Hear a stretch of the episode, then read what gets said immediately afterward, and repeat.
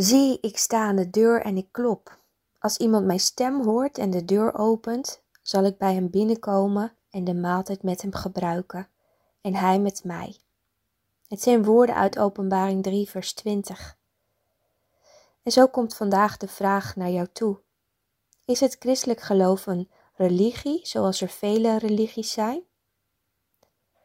De afgelopen tijd hebben wij veel gesprekken aan de keukentafel met onze tieners en uh, volwassenen, kinderen over dit onderwerp. Jezus volgen en door de Heilige Geest geleid worden is niet een religie, maar een relatie. Je wordt christen genoemd omdat je hart en je leven verbonden zijn met Christus. En zonder persoonlijke relatie met Hem kun je eigenlijk geen christen zijn. Jezus' discipelen leven dagelijks met Hem. En zo is het ook aan ons. We mogen dagelijks leven met Jezus. Wie heeft eigenlijk het initiatief genomen voor de relatie?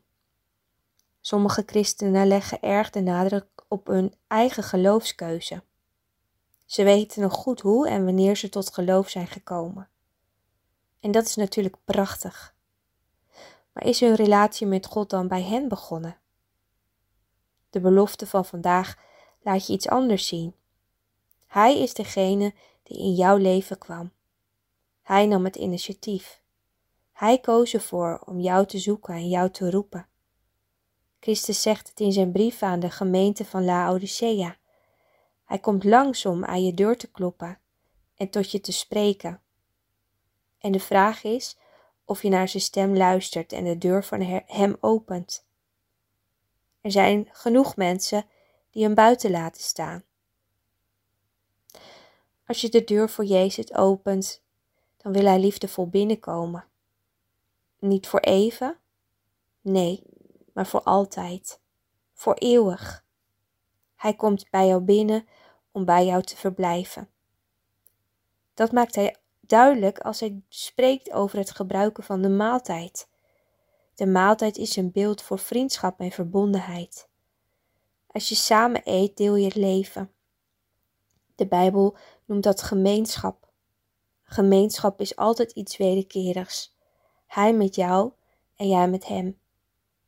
En zo, broers en zussen, je mag je hart en je leven delen met hem. Nauw verbonden met hem mag je zijn vrede, vreugde en vriendschap ervaren. Jouw levensgeluk ligt in zijn aanwezigheid. En zo mogen we danken wanneer Jezus aan de deur van je hart klopt. Als jij de deur voor Hem opent, dan opent Hij het leven voor jou.